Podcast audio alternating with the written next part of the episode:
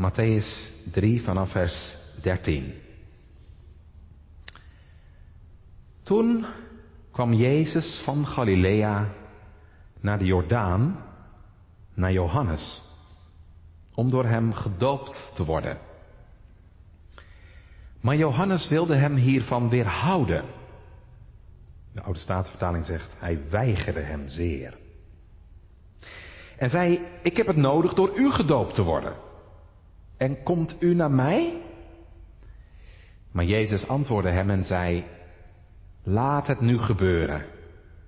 Want op deze wijze past het ons alle gerechtigheid te vervullen. Toen liet hij het hem toe. En nadat Jezus gedoopt was, kwam hij meteen op uit het water. En zie, de hemelen werden voor hem geopend. En hij zag de geest van God als een duif neerdalen en op zich komen. En zie, een stem uit de hemelen zei, dit is mijn geliefde zoon, in wie ik mijn welbehagen heb. Tot zover de lezing van Gods woord. Ja, gemeente, waarom wordt Jezus gedoopt? Kijk, dat wij gedoopt moeten worden, dat zal duidelijk zijn. We horen het elke doopdienst weer, hè? Dat we in zonde ontvangen en geboren zijn. Dat we daarom in het koninkrijk van God niet kunnen komen tenzij we opnieuw geboren worden. Dat begrijpen we. Wij zijn vuil. Wij zijn zondig. Wij hebben reiniging nodig. Maar waarom in hemelsnaam moet Jezus gedoopt worden? Ik bedoel, als er toch iemand is die geen zonde heeft, dan hij toch. Als er iemand toch is die rein is, dan hij wel. Waarom moet hij nu gedoopt worden? Nou, daar wil ik vanavond met u bij stilstaan. En dan zullen we zien, gemeente, dat deed Jezus niet omdat hij dat nodig had, maar dat deed hij omdat wij dat nodig hadden. Het is uit liefde voor mensen, voor zondaren, dat Jezus zich laat dopen. We staan dus vanavond stil bij Matthäus 3, vers 13 tot en met 17, de doop van Jezus. En ik doe dat aan de hand van drie gedachten, drie aandachtspunten. We letten in de eerste plaats op het antwoord van Johannes. Want Johannes zegt, vers 14, ik heb het nodig door u gedoopt te worden. En komt u naar mij? We letten in de tweede plaats op het antwoord van Jezus. Laat het nu gebeuren, want op deze wijze past het ons alle gerechtigheid te vervullen.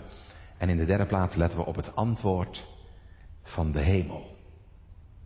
Want we lezen, de hemel werd voor hem geopend en hij zag de geest van God als een duif neerdalen en op zich komen. En een stem uit de hemelen zei, dit is mijn geliefde zoon in wie ik mijn welbehagen heb. Het antwoord van Johannes, het antwoord van Jezus en het antwoord van de hemel. Gemeente, wat kun je een bewondering hebben voor mensen die kiezen voor een moeilijke weg.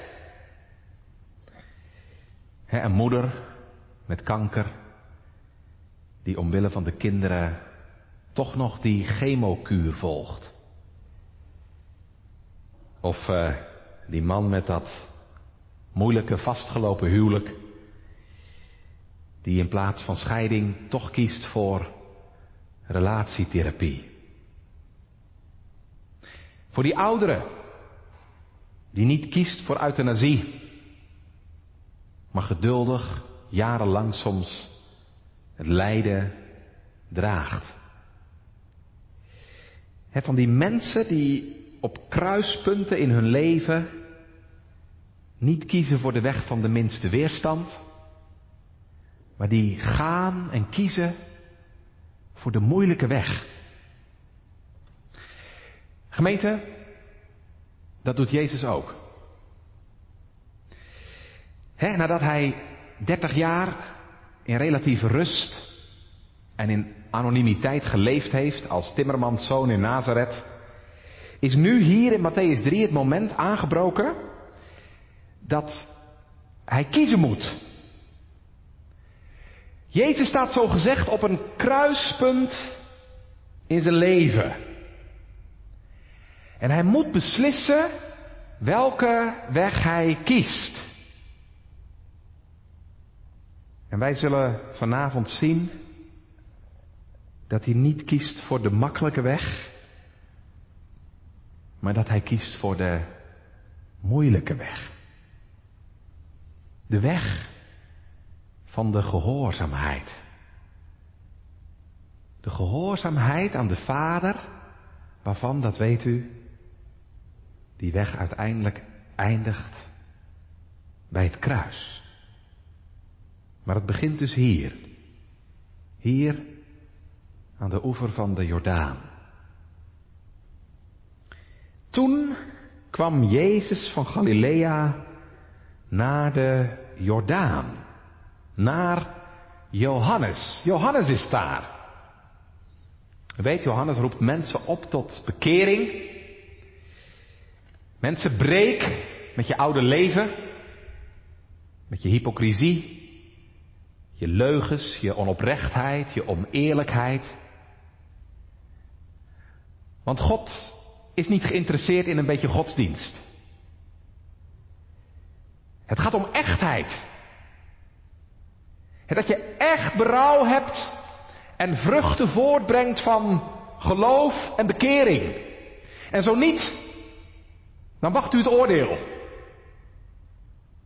God laat niet met zich spotten. Er is kaf, zegt Johannes, en er is koren.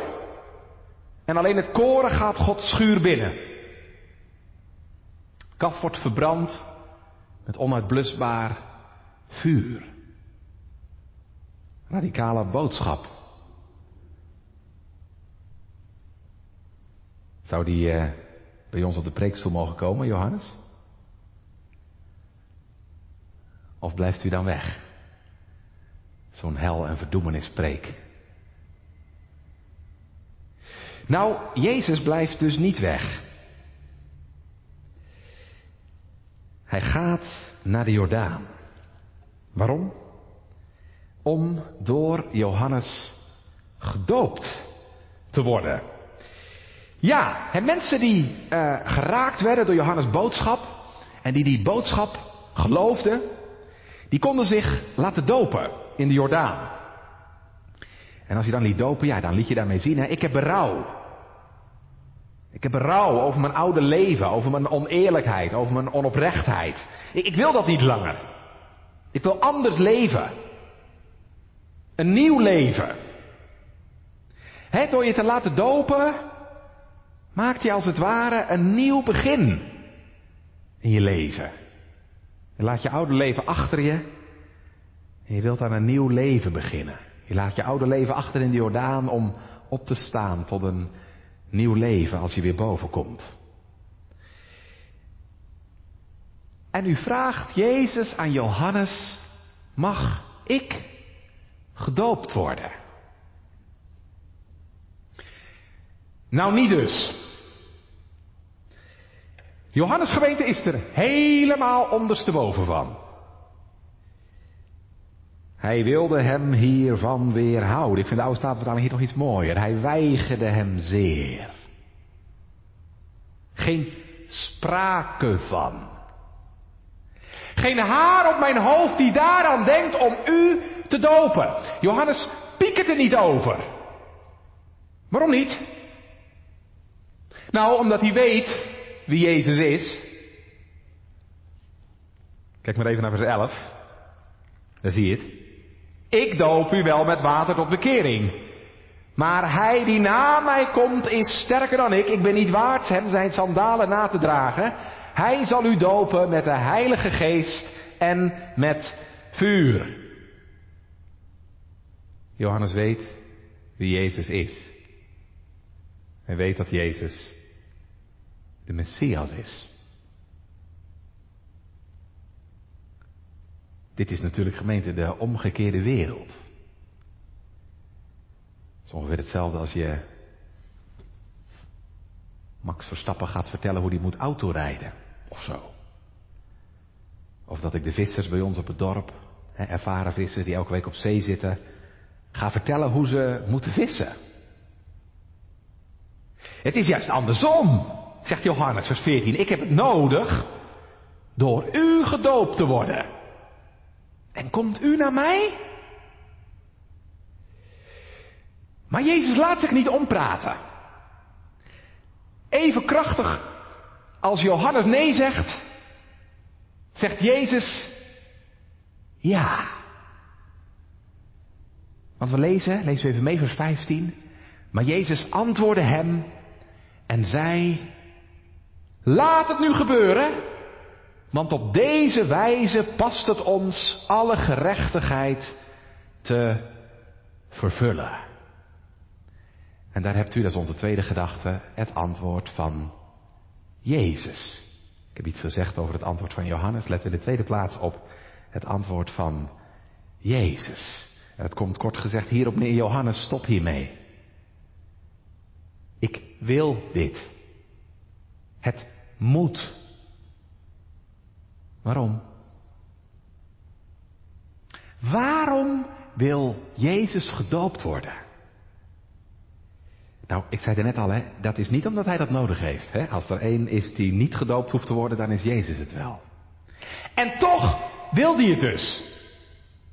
Waarom? Drie redenen.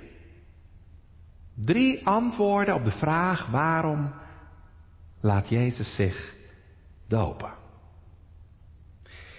De eerste is, door zich te laten dopen, neemt Jezus hier in het openbaar, in het publiek, zijn roeping op zich.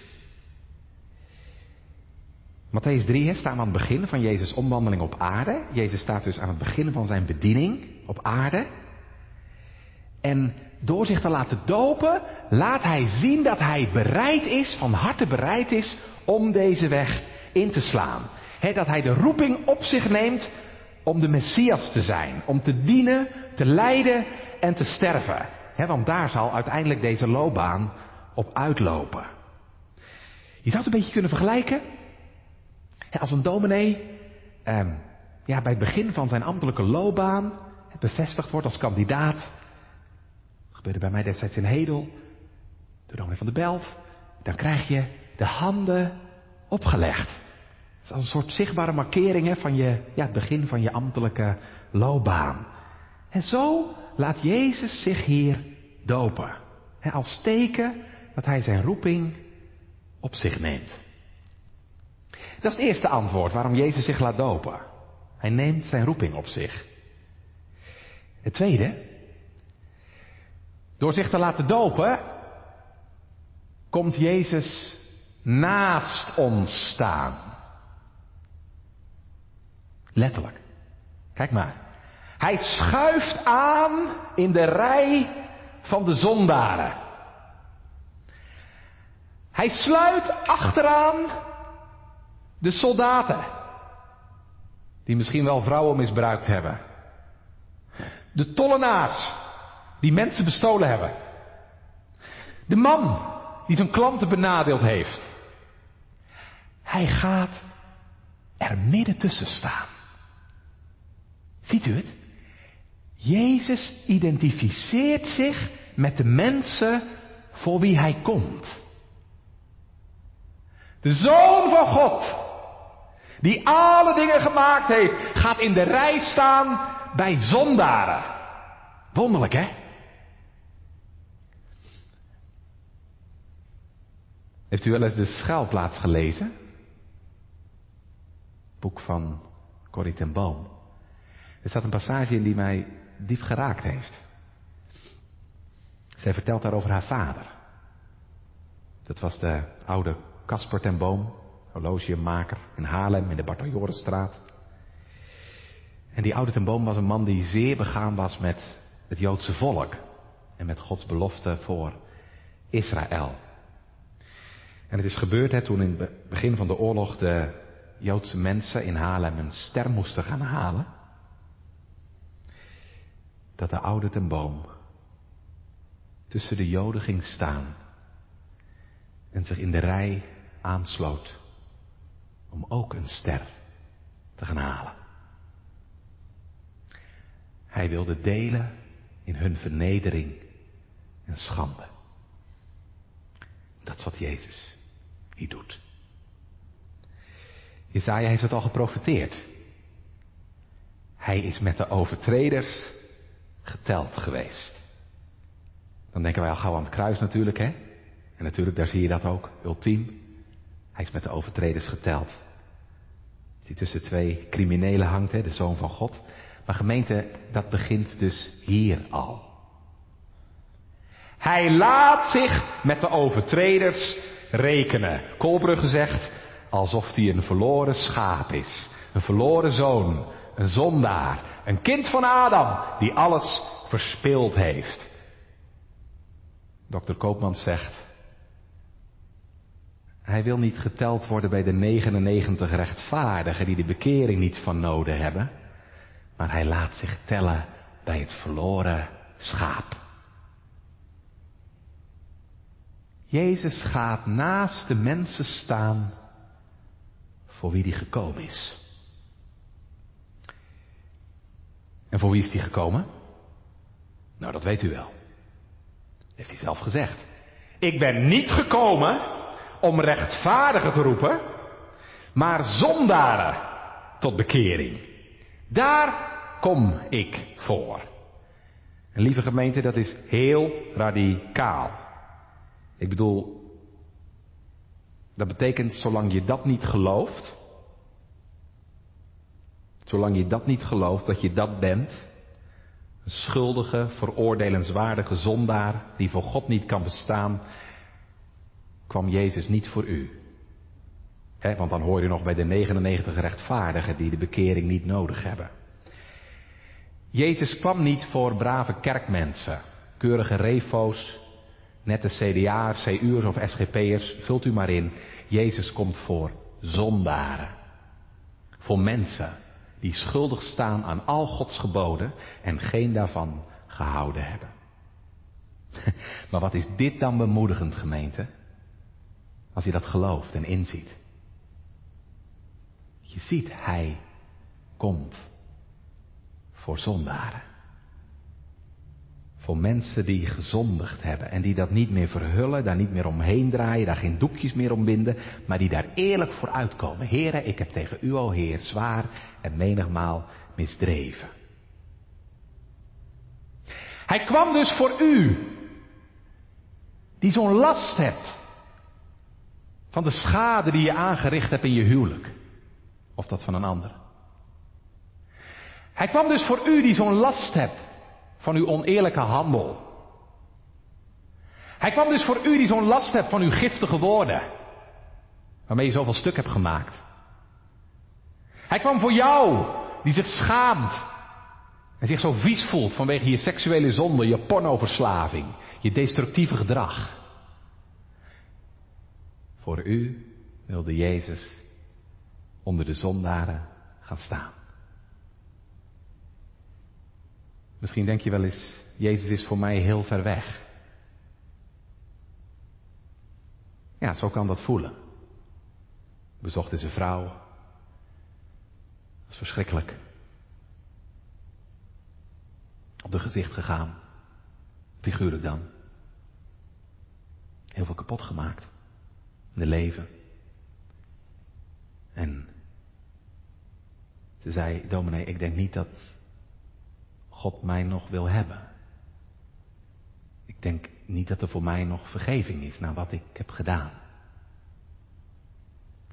Zo kan dat voelen, hè?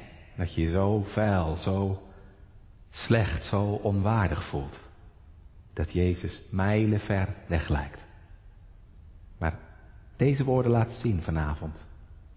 Hij is niet ver weg. Hij is dichtbij. Veel dichterbij dan jij denkt. Hij staat vlak naast u. Want waar zondaren zijn, daar is Jezus.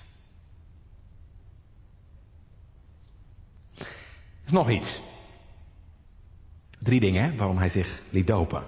Hij neemt zijn roeping op zich, dat was één. Hij komt naast ons staan, dat is twee. En drie, door zich hier te laten dopen in de Jordaan, laat Jezus ook zien dat hij de gehoorzame knecht van de Vader wil zijn.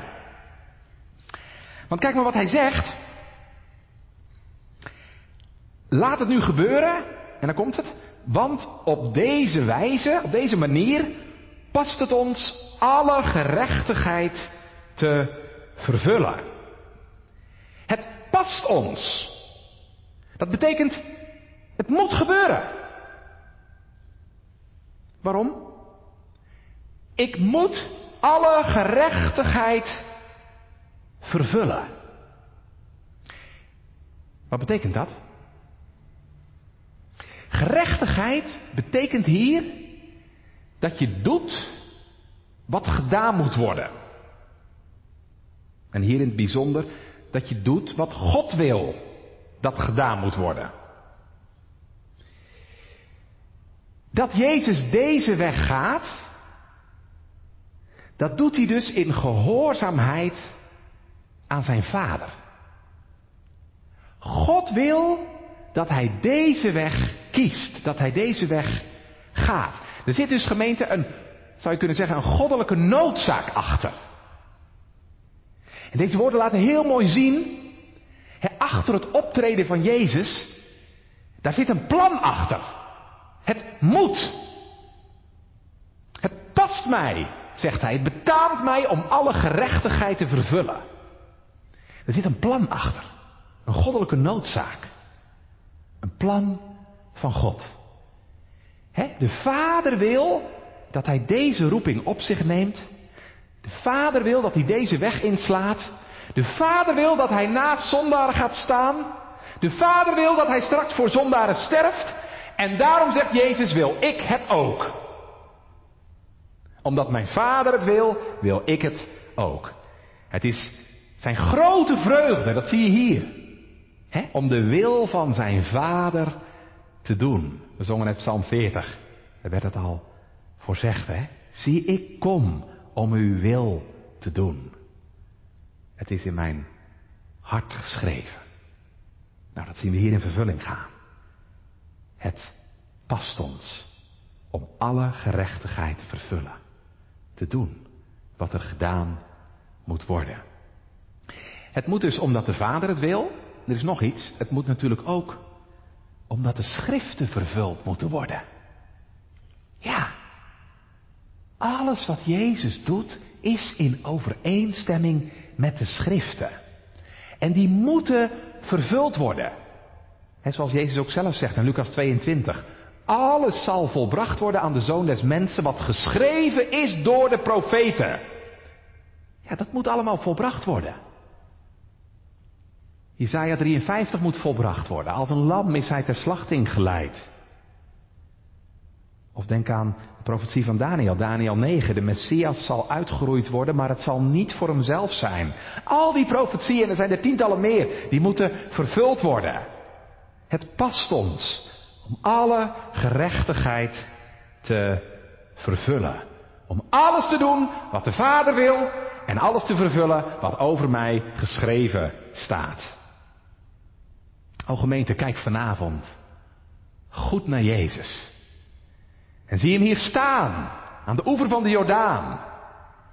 In zijn hartelijke gewilligheid en bereidheid om zijn roeping op zich te nemen. Hij wil de Messias zijn, hoewel hij weet waar het op uit gaat lopen. En zie hem hier ook staan vanavond in zijn nederigheid. De Zoon van God, door wie alle dingen gemaakt zijn, wil gaan staan tussen hoeren en tollenaren tussen mensen zoals wij. Wie is er toch nederig als Hij? En zie hem ook in zijn gehoorzaamheid. He, gehoorzaam zagen we net om de weg te gaan van de Vader en de weg van de Schriften. En zie hem vooral gemeente in zijn liefde. Liefde voor de Vader, die wil dat hij dit doet. En liefde voor zondaren die de dood en het oordeel verdiend hebben. Voor hen slaat hij de weg in naar het kruis, naar het oordeel. Want zo past het ons om alle gerechtigheid te vervullen. Ja, op zo'n antwoord moet natuurlijk een reactie komen. En dat komt er ook. Dat is onze laatste gedachte. We hebben gelet op het antwoord van Johannes. We hebben gekeken naar het antwoord van Jezus. Staan we tenslotte gemeente stil bij het antwoord van de hemel. En dan gaan we even naar vers 16 en 17. En dat antwoord van de hemelgemeente, dat is tweeledig. Dat is zichtbaar en dat is hoorbaar. Zichtbaar, hè, want als Jezus uit het water komt, gaat de hemel open en daalt de geest van God neer in de gedaante van een duif.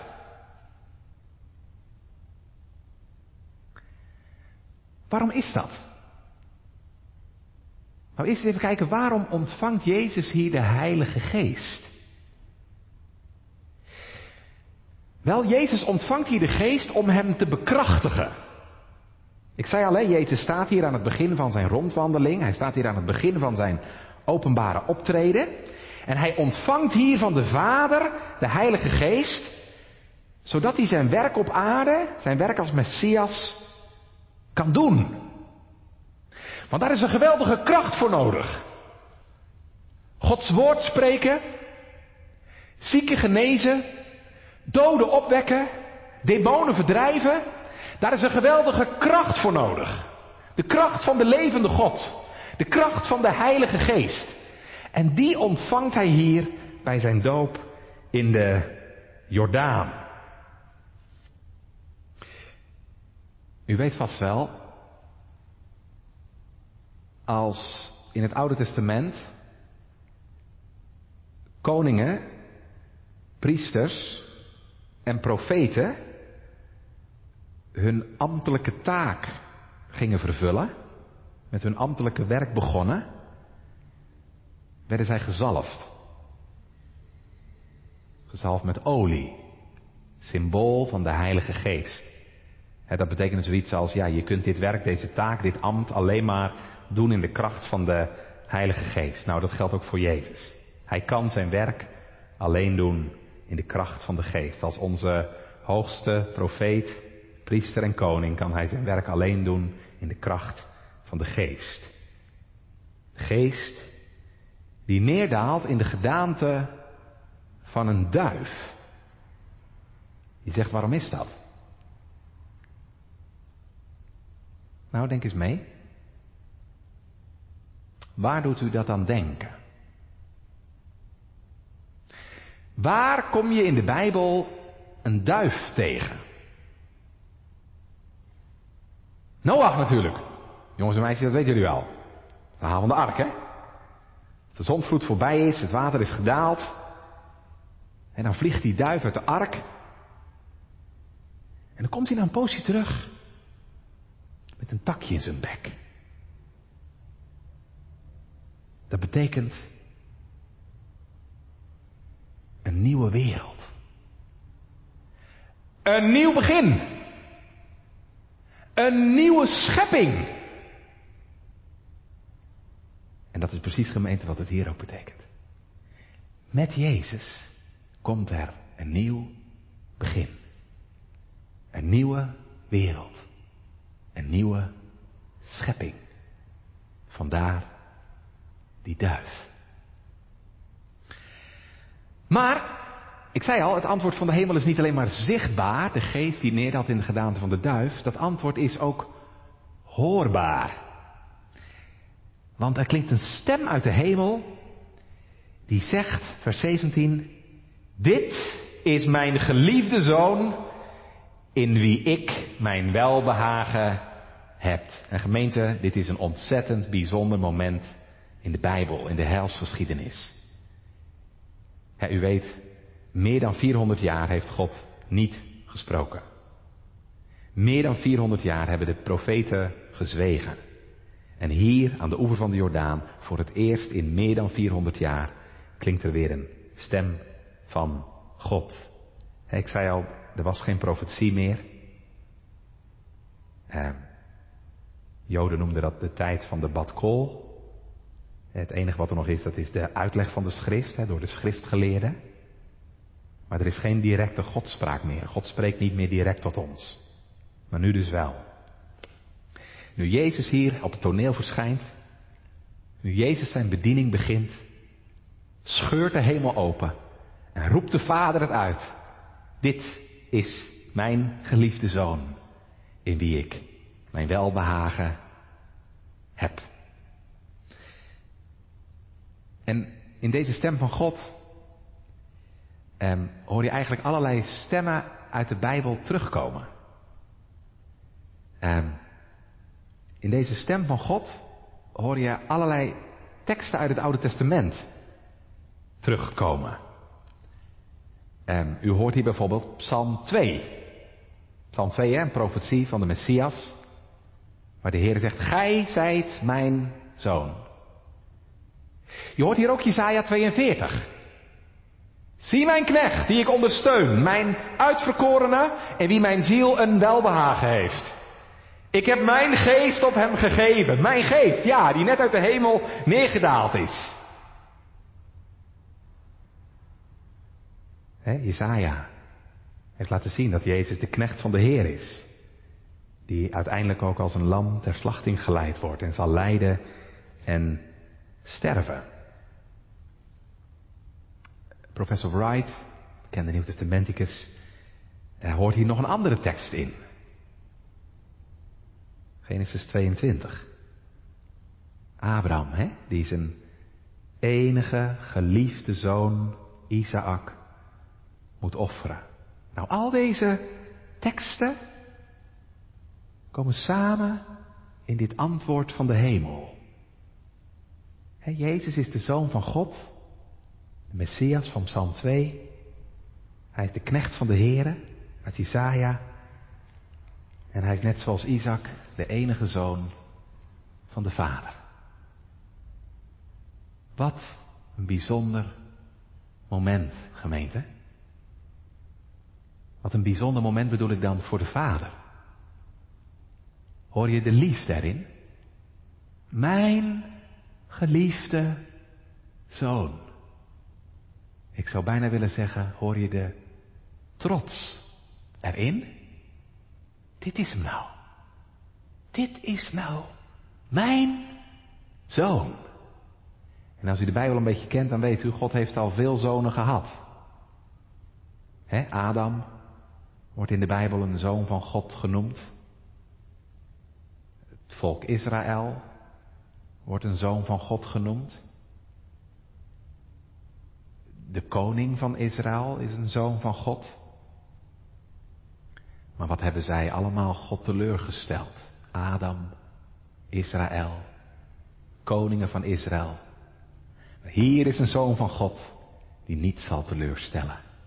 Eindelijk een zoon waar de vader trots op kan zijn. Wat een bijzonder moment voor de vader. En wat een bijzonder moment ook voor de zoon. Denkt u niet? Wat is dit een geweldige bemoediging geweest voor Jezus. Aan het begin van de weg die hij hier gaat inslaan. En u weet, dat zal een weg zijn van beproeving. Het begint al gelijk, hè? kijk maar naar het volgende hoofdstuk. Verzoeking in de woestijn. Het zal een weg zijn van enorme strijd. Van angst. Van pijn. Als hij straks kruipt in de hof van Gethsemane als een worm en geen man. Wat een intens zware weg slaat Jezus hierin. Wat een bemoediging dan om dit te mogen weten, maar mijn vader heeft mij lief. Joden zullen me afwijzen, Romeinen zullen hem kruisigen, maar mijn vader heeft mij lief. Bij alle beproeving en tegenstand die Jezus gaat ervaren, mag hij dit weten, mag hij dit meenemen. Maar de Vader is met mij en de Vader heeft mij lief. Met die blijde verzekering kan Jezus het leven in. En kan hij het leven aan. Hij het zelf gezegd, hè? De Vader is altijd met mij. En zo zien we hem gaan. Gesterkt door de geest. Bemoedigd door de Vader. Slaat hij de weg in. De weg van de gehoorzaamheid. De weg naar het kruis. Want zo past het ons. Alle gerechtigheid te vervullen. En daarom is Jezus gedoopt. En dat is goed nieuws, gemeente. Dat Jezus is gedoopt. Want omdat Hij hier gedoopt is, mochten wij ook gedoopt worden. Ik bedoel, als Hij zich niet had laten dopen, wat viel er dan voor ons te dopen? Wat valt er te dopen? Als Jezus niet zijn roeping op zich had genomen. Als hij niet de weg van de gehoorzaamheid was ingegaan. Als hij niet naar het kruis was gegaan. Wat valt er dan voor ons te dopen? He? Want de doop verkondigt ons de vergeving van de zonde door het bloed van Jezus. En hoe zou dat kunnen als hij zijn roeping niet op zich had genomen? Als hij deze weg niet was ingeslagen? Maar omdat hij gedoopt is, mocht u, mocht jij gedoopt worden. En wat betekent dat dan voor ons? Wat betekent de doop voor ons? Dat weet u wel, dat is u heel vaak uitgelegd, ongetwijfeld. De doop is de belofte en de verzekering, de garantie dat God onze zonde wil vergeven en de Heilige Geest in ons wonen en werken wil. De doop is voor ons een uitnodiging tot een nieuw leven. En de belofte ook dat er een nieuw leven mogelijk is. Wil je dat? Zie je daar de noodzaak van? Heb je daar zo'n behoefte aan? Aan een nieuw leven? Omdat je dat oude leven zo zat wordt? Omdat het je zo vermoeit, omdat het je geen vrede en geen echte blijdschap geeft en je niet gelukkig maakt? Hoe klamp je dan vast aan je doop? Aan de God van je doop. En zijn belofte. En vraag maar, Heere, reinig mij. En doe wat u gezegd en beloofd hebt. Want als je die belofte van ganser harte gelooft, dan word je een nieuw mens. En geldt ook voor u. U bent mijn geliefde zoon. Is dat echt waar? Ja, dat is echt waar. Wat geldt van Christus, geldt ook voor wie van Christus zijn. Dat is het evangelie. Wat geldt van Christus, geldt ook voor wie van Christus zijn. Hij is rechtvaardig. Wie in hem gelooft, ook. Hij is geliefd, geliefde zoon van de Vader. En wie in hem gelooft, ook. Iedereen die met zijn zonde en verloren leven schuilt bij Christus, wordt om Christus wil aangenomen tot kind van God. En dan gelden deze woorden van de Vader ook voor u. U bent mijn geliefde zoon, mijn geliefde dochter, mijn geliefde kind, in wie ik een welbehagen heb.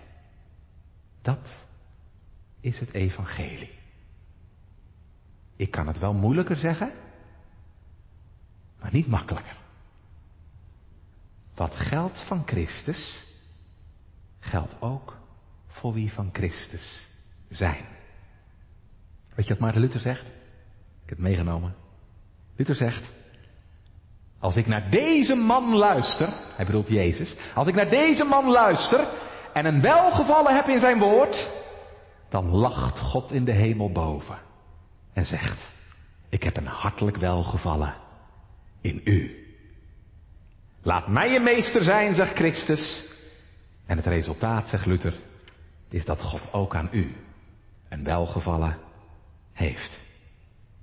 Vanavond zegt de Vader, dit is mijn geliefde zoon. En ik vraag u, wat zegt u? Wat zegt jij? Wat is uw antwoord? Het gaat over Johannes antwoord, Jezus antwoord, het antwoord van de hemel. Maar wat is nou uw antwoord? Heb je ook een welbehagen in de zoon? Omdat je hem zo nodig kreeg voor je zonde en je schuld. Of leef je misschien nog steeds zonder Christus? Ja, dan luister je dus niet naar de Vader. Dan luister je niet naar de Vader. Dat is gevaarlijk.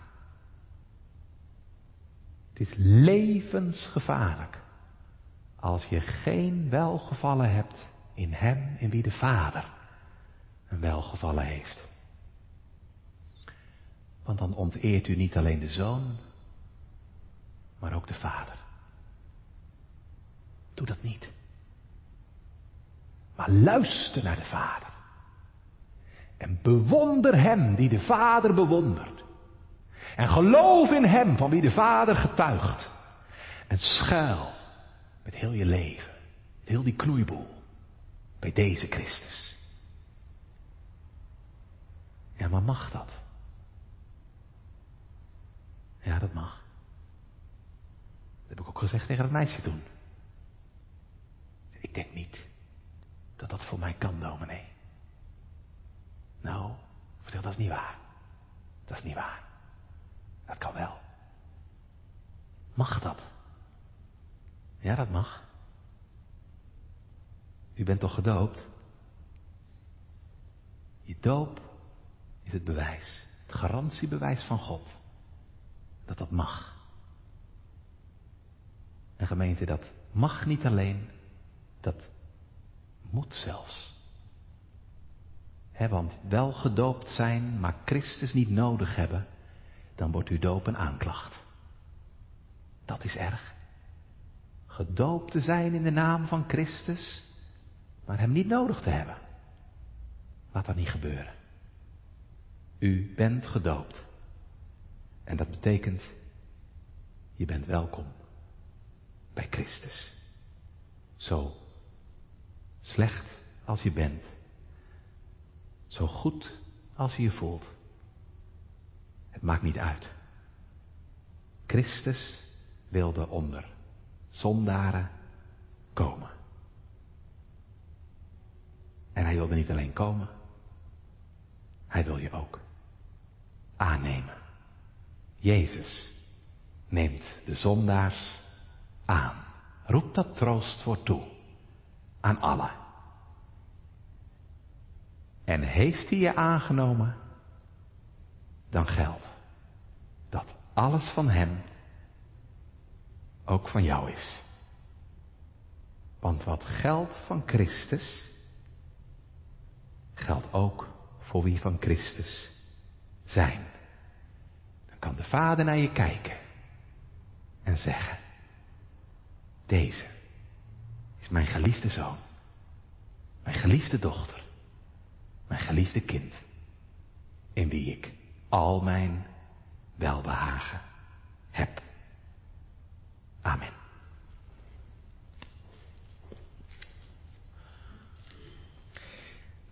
Psalm 2 gaan we ook zingen, het laatste vers. Welzalig zij die naar zijn reine leer in hem hun heil en hoogst geluk beschouwen. Psalm 2 vers 7.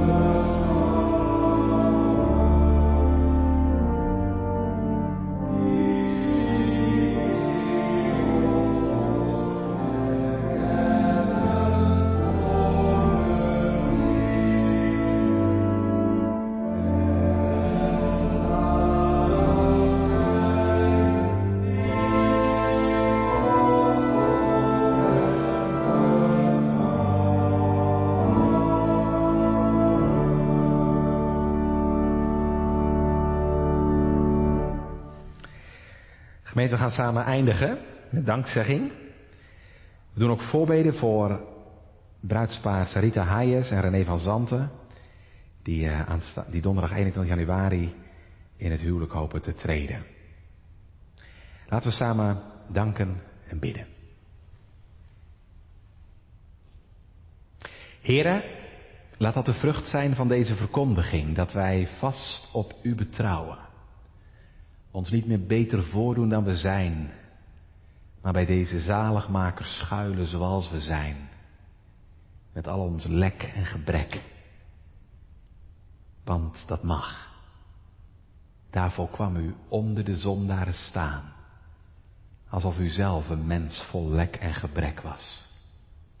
Dat was u niet met de zoon van de levende God. Maar u werd wel vol lek en gebrek. Tot en met het kruis, waar u onze wonden en zonden droeg. Onbegrijpelijk dat u zo laag wilde komen. Daar moet je God voor zijn. Heren, wij danken u voor deze openbaring van uw genade en uw liefde. U wist hoe donker deze weg zou worden. U wist wat een nameloze angst en pijn u te wachten stond. En toch sloeg u hem in. Daarom willen wij vanavond eerbiedig uw naam loven. Er zou voor ons geen zaligheid in zitten, heren, als u dat niet had gedaan. Maar om de vreugde die u werd voorgesteld. De vreugde van die scharen te zien. Uit alle talen, geslachten, naties en volken, verlost in uw bloed, gekocht in uw bloed. Om die vreugde hebt u het gedaan, om uw bruid te krijgen. Het was het u waard. Dank u wel voor uw liefde, Heer Jezus. Dank u wel, Vader, dat uw zoon, zoon, eindelijk de perfecte zoon, voor zulke mensen wilde afstaan. Zo lief hebt u de wereld gehad, dat u uw enige geboren zoon gegeven hebt, de eerste en de enige, op wie u trots kon zijn. En u roept u ons op om op Hem te zien, bij Hem te schuilen. Opdat ook van ons geldt, jij bent mijn geliefde kind. Niet in jezelf, maar om Jezus wil, die in jouw plaats wilde gaan staan. Laten wij leven uit dat evangelie, heren. Er verbroken onder zijn. En tegelijkertijd vol verwondering. En dankbaarheid. En aanbidding. Ervan getuigen mogen naar anderen. Wat een zaligmaker u bent dat we er vol van zijn en er niet van willen zwijgen. Opdat steeds meer en steeds weer mensen de weg naar deze zaligmaker mogen vinden. Zoals u is er maar één. Heren, wij willen voor elkaar bidden als we een nieuwe week ingaan. We weten niet wat ons te wachten staat. Bewaar en spaar ons overal waar we gaan. Geef ons een leven dicht bij u. Een hart dat luistert naar uw woord. Een diep verlangen om u te behagen en in uw wegen te wandelen. Opdat wij iets van uw licht mogen ontvangen en uitstralen naar anderen toe. Houd ons vast in een wereld vol verzoeking, verleiding vol tegenkrachten. Een wereld waarin de Satan rondgaat als een briesende leeuw. Wij zijn zo zwak. Leid ons niet in verzoeking, maar houd ons in de verzoeking staande en verlos ons van de boze. En laat uw koninkrijk komen in deze zo gebroken wereld. Heere, geef ons rust en vertrouwen bij alle onzekerheid en angst die in de samenleving opspeelt. We weten niet hoe het verder zal gaan met de lockdown, misschien wel weer verlengd. Maar geef dat wij in vertrouwen mogen leven omdat u regeert. En in u, Heer Jezus, ons ten diepste niets overkomen kan. In leven en in sterven. Heren, we bidden voor het bruidspaar. Het zal voor hen ook misschien lastig zijn om in deze tijd hun trouwdag te plannen. Misschien ook graag anders gezien. Maar gelukkig is sterker dan dat alles hun liefde voor elkaar. Wilt u hen daarin zegenen dat de liefde en de trouw hen niet zullen verlaten, maar hen bij mogen blijven al de dagen van hun leven. Dat ze zo heen mogen leven naar hun trouwdag en we bidden wel vast, heren, om een goede en een gezegende dag voor hen en hen die om hen heen staan. Al moeten ze misschien veel missen op die dag, wat ze anders hadden kunnen doen. Uw woord mag opengaan en uw woord mag meegaan. Dat is toch het belangrijkste. En mag hun liefde en hun relatie ook een afspiegeling zijn van de relatie tussen u, Heer Jezus, en uw gemeente, uw kinderen. Die dienende, zelfverlogenende liefde tot en voor elkaar hun leven mag doortrekken. Wat wordt het dan mooi en rijk. Tot eer van uw naam. Zegen van hen. En mensen om hen heen. Aanvaard onze dank voor wat u ons gaf. Ga met ons mee als we weer van hier gaan. Ook als ik nog een verre reis naar Zeeland maak. Breng ons ook daar veilig aan. En wilt u zo uw aangezicht over ons verheffen. En ons in genade aanzien. Om Jezus wil. Amen.